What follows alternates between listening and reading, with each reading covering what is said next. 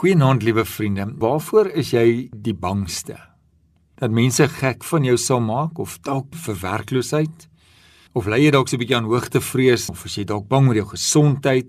Dalk vrees jy dat jy vasgekeer sal word of aangeval mag word of dat mense jou sal verstoot of vergeet. Dis 'n klomp regte groot bekommernisse wat mense ronddra. Jesaja 41 vers 10 sê so mooi: Wees nie bevrees nie, want ek is met jou. Kyk nie angstig rond nie, want ek is jou God. Ek versterk jou, ook help ek jou, ook ondersteun ek jou met my reddende regterhand. As ek dit lees, kan ons tog nie toelaat dat hierdie vrese in ons lewe obsessie word nie. Hoeveel mense leef so oorversigtig en bang en ignoreer eintlik geloof of vat nooit 'n kans nie. Groot vraag waarmee ek myself gereeld konfronteer. Wat het ek vandag gedoen wat geloof geverg het?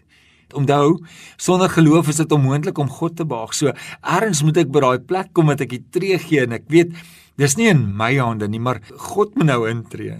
Te veel mense is so bang, die onheil haal hulle in en dat hulle nooit voluit sal kan leef nie. As jy dalk 'n onnodige bolsene wees. 1 Petrus 5 vers 7 sê so mooi: Werp al julle bekommernisse op hom want hy sorg vir julle.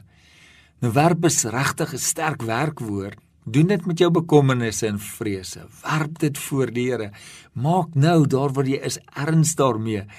Werp dit voor God wat die onmoontlike kan doen. Bekommernisse is eintlik net 'n opsie, dis nie 'n opdrag nie. God kan jou na 'n kommervrye wêreld toe lei.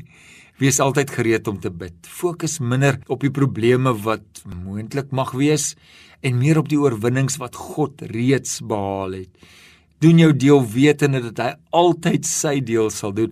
Hy sal jou hart bewaak met sy vrede en hy sê hy gee vrede wat verstand te bowe gaan.